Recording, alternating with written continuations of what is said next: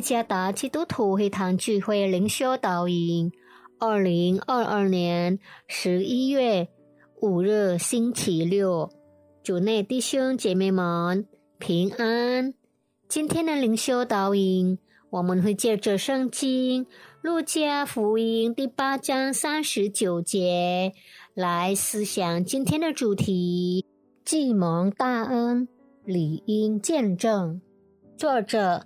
红主帽牧师，《路加福音》第八章三十九节：你回去，传说神为你做了何等大的事，他就去满城里传扬耶稣为他做了何等大的事。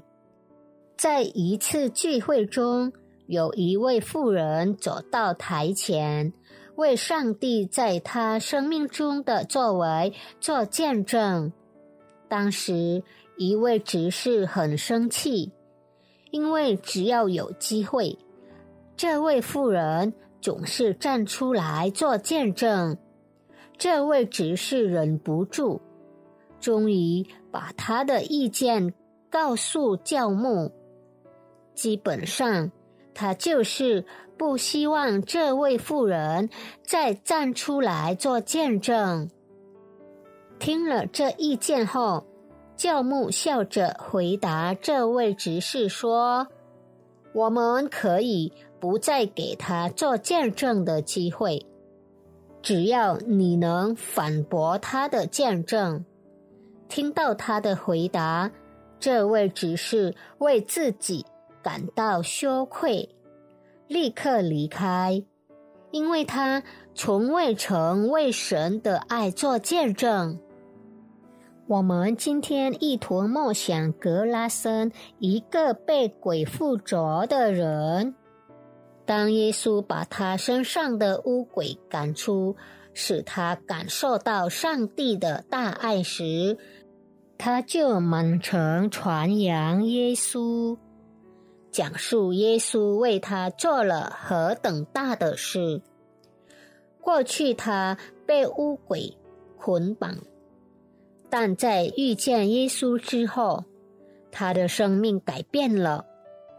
他盼望跟随耶稣，不论耶稣往何处都跟随。但耶稣打发他回家。要他向人诉说神为他所做的一切，他服从了。他不仅向家里的人做见证，还走遍了全城做见证。我们又如何？我们不也经历过神的爱和帮助吗？我们有没有向从未认识主耶稣的人做见证？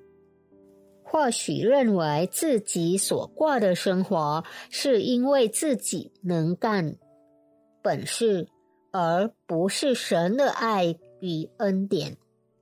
难怪我们总有许多理由不想向周围的人见证主耶稣。或许我们还没有经历过神宽恕的大爱。以致不想向人见证神的大爱。如果我们还没有经历过神伟大的作为，怪不得我们也不想看到别人领受神救赎的洪恩。对于我们这些经历过上帝伟大作为的人，努力做见证吧。